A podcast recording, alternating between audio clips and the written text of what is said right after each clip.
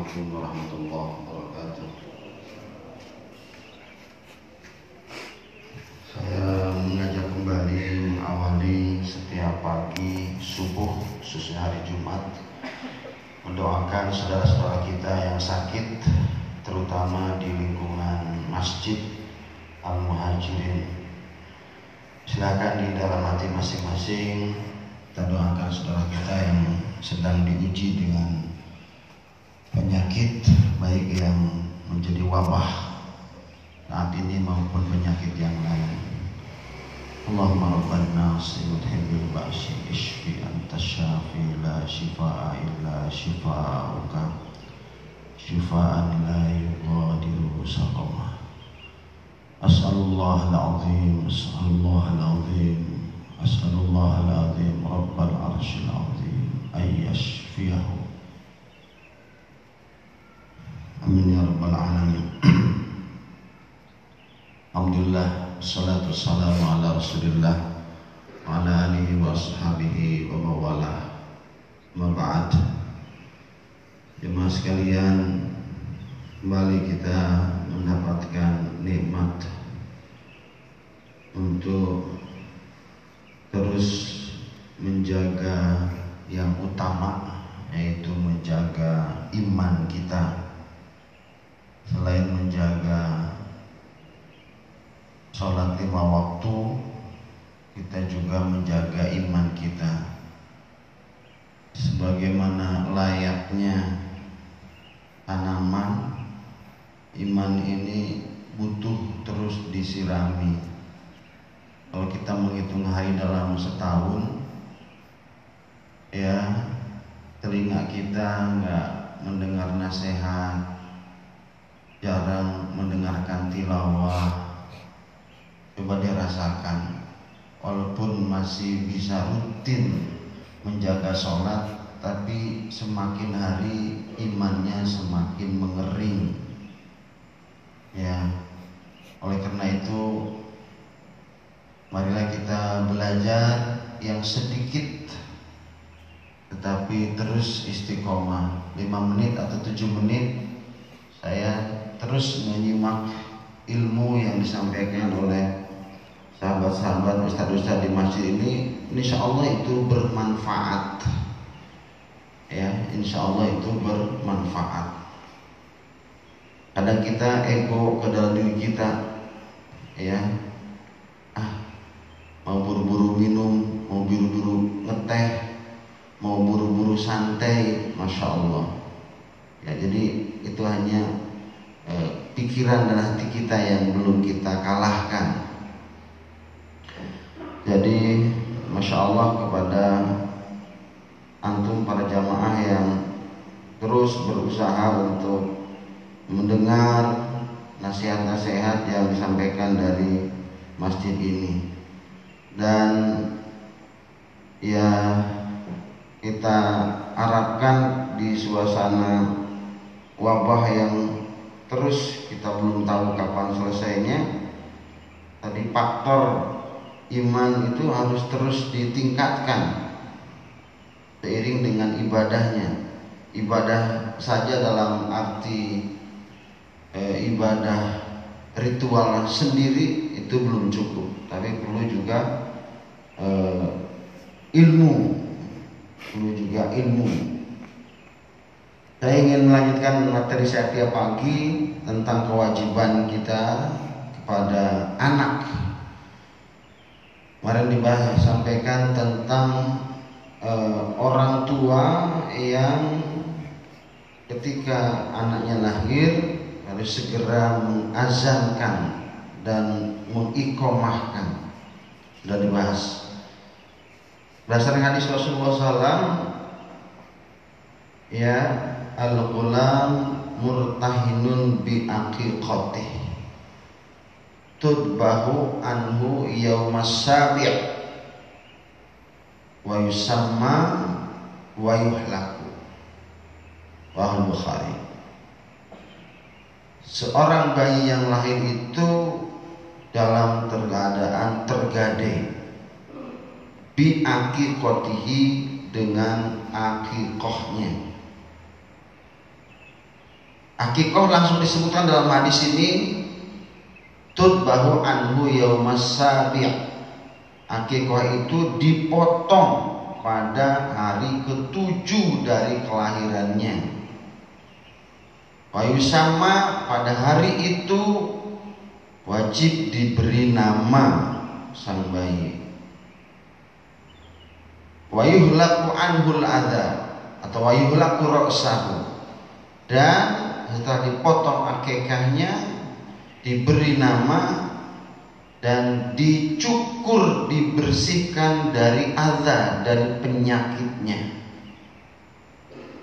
Nah, kita masuk kepada poin tentang wajibnya memberi nama.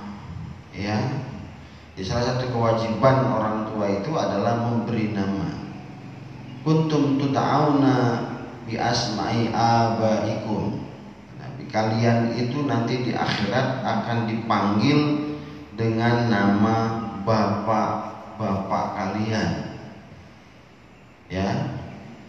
Saya masih ingat waktu hadir di masjid ini 20 30 tahun yang lalu tidak ada seorang ibu yang punya nama. Yang ada nama adalah suaminya Sampai sekarang suaminya udah meninggal 10 tahun, 20 tahun, ibu itu nggak pernah punya nama. Dipanggilnya nama suami. Pelan-pelan saya berikan pengertian, namanya lah yang dipanggil. Ya. Kasihan tuh ibu-ibu. Ya. Begitu punya suami, hilang dah namanya. Nama suaminya. Dulu masyarakat betul di lingkungan komplek tuh. Ternyata bukan hanya di kompleks ini, itu rata-rata. Rata-rata. Ya, rata-rata. Itu sebuah kesalahan dan kekeliruan. Alhamdulillah sudah bertahap berdasarkan ilmu. Tidak sekarang si ibu memanggil temannya itu bukan manggil suaminya, manggil nama dia.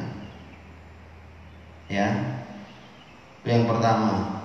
Padahal nama itu harus disandarkan Tuda'una bi asma'i abaikum dipanggil dengan nama bapak. Jadi nasab itu bukan ke ibu tapi ke bapak. Warisan ya itu juga yang kuat ketika saudara itu dari bapak. Kalau sudah dari ibu tuh kalau dia masih punya yang lain nggak kebagian. Ya. Nah, kembali ke nama yang dianjurkan oleh Rasulullah SAW nama terbaik itu dua Abdullah dan Abdurrahman. Ya. Nama yang disandarkan ke nama Allah Abdullah. Dan nama disandarkan ke nama Allah yang mempunyai sifat Ar-Rahman Abdurrahman. Masya Allah kayaknya di sini nggak ada yang punya nama itu. Ya dan nama terbaik itu Abdullah dan Abdurrahman. Masih alhamdulillah masih ada ujungnya. Abdullah apa? Akhirnya zaman Nabi itu Abdullah bin Abbas, Abdullah bin Umar. Itu kan namanya semua. Abdurrahman ah, bin Auf istrinya. Ada Abdurrahmannya, lalu bin Auf bapaknya Auf. Ya. Dan seterusnya seterusnya. Kenapa? Nama itu bukan sekedar ciri dalam syariat nama itu mencerminkan harapan dan doa. Ya, kalau namanya soleh itu berarti harapan orang tuanya supaya anak itu kelak jadi anak yang soleh. Ya, jadi nama mencerminkan harapan dan doa. Tidak boleh memberikan nama yang buruk. Ya, tidak boleh memberikan nama atau gelar yang merusak. Jadi sekarang sangat mudah sandarkan semua nama kepada 99 asma dan sifat Allah. Abdul Razak, Abdul Fattah, Abdul Rashid, Abdul Wahab, ya terus sandarkan silakan bapak yang akan punya cucu ya. Jadi kalau zaman-zaman dulu selalu pakai tren-trenan nama siapa yang lagi tren? Oh. Orang yang berilmu mah enggak ya. Atau mencari nama-nama yang selama ini dikenal orangnya baik nama ngambil nama sahabat. Lahir anak perempuan atau cucu perempuan. ah cari nama sahabat terbaik. Seperti putri Rasulullah kasih nama Fatimah. Tapi kan nanti ujungnya binnya bin dia. Ya. Lahir anak laki-laki. Dia terkait dengan sifat-sifat yang begitu hebat pada seorang apa namanya sahabat yang bernama misalnya Usman. Kasih nama Usman. Dan seterusnya dan seterusnya. Intinya nama itu mencerminkan nama harapan mencerminkan doa mencerminkan juga e, kepribadian jadi begitulah Bapak sekalian rahmatullah. Nama ini harus diumumkan ya, harus diberitahu yang lain.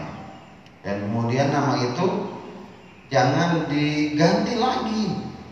Kalau di Indonesia itu ada kebiasaan nama lengkap, oh panjang, nama panggilan Ule misalnya gitu.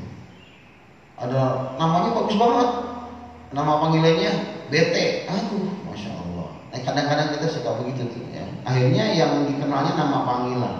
Nyari-nyari nama orang itu nggak ketemu. Ya, oh dia bisa panggil sini. Nah, bagus sih nama yang asli aja dipanggil, tapi apakah tengahnya, apakah ujungnya, ya nama itu. Ini terkait dengan hadis Nabi yang tadi, ya akikah, akikah. Bapak sekalian, ini juga kita mengingatkan saya eh, masih ada ya masih ada jamaah sepertinya udah paham gitu. Eh kok dia cucunya lahir kok masih kabarnya 40 hari? Ini ilmu dari mana kayak tahun 91 aja udah saya kasih tahu di sini tuh nggak ada itu. Akikah itu hari ke-7 kalau pada dalil berikutnya hari ke-14 ini masih ada gitu. Kayak udah ngerti banget tapi kok cucunya lahir 40 hari baru. Akekah akekah apaan itu? Nah ini berarti nggak sampai itu ilmu. Kelihatannya dia ini tapi ilmunya nggak sampai. Ya jadi akekah itu pada hari ketujuh ya syarat dan rukun seperti untuk kurban ya seperti untuk kurban nah bedanya kalau untuk laki-laki kabsya ini dua kambing. Kalau untuk perempuan kabs satu, satu kambing. Laki-laki aja akekahnya dua. Ya. Seperti dia dapat warisan dua bagian. Perempuan dapatnya satu bagian. Itu udah isyarat juga tuh. Ya. Jadi saya masih ingat di kampung saya yang udah masyarakat kalau lahir laki-laki asik dua kambing ini kita potong, dua domba. Jadi sudah paham itu. Jadi hal-hal yang seperti ini kadang terlupa. Ya. Seorang kakek, seorang bapak lebih teringat-ingat e, mempersiapkan diri. Udah undang teman-teman TK-nya, oh, kirim makanan, e, ulang tahun. Sementara kakek, sementara itu akekah yang hanya satu kambing atau kalau dia laki-laki dua kambing dia lupa pada itu adalah kewajibannya. Saya kira ini dulu jadi e, memberi nama yang baik karena nama itu yang akan dipanggil sampai hari akhirat. Nama terbaik adalah yang mencerminkan kepada ketundukan sebagai hamba Allah seperti Abdurrahman, Abdullah atau Abdurrahman dan disadarkan pada nama-nama Allah ya nama-nama sahabat, nama-nama para ulama, nama-nama orang-orang yang uh, telah diberi nikmat oleh Allah Subhanahu wa taala. Semoga bermanfaat. Assalamualaikum warahmatullahi wabarakatuh.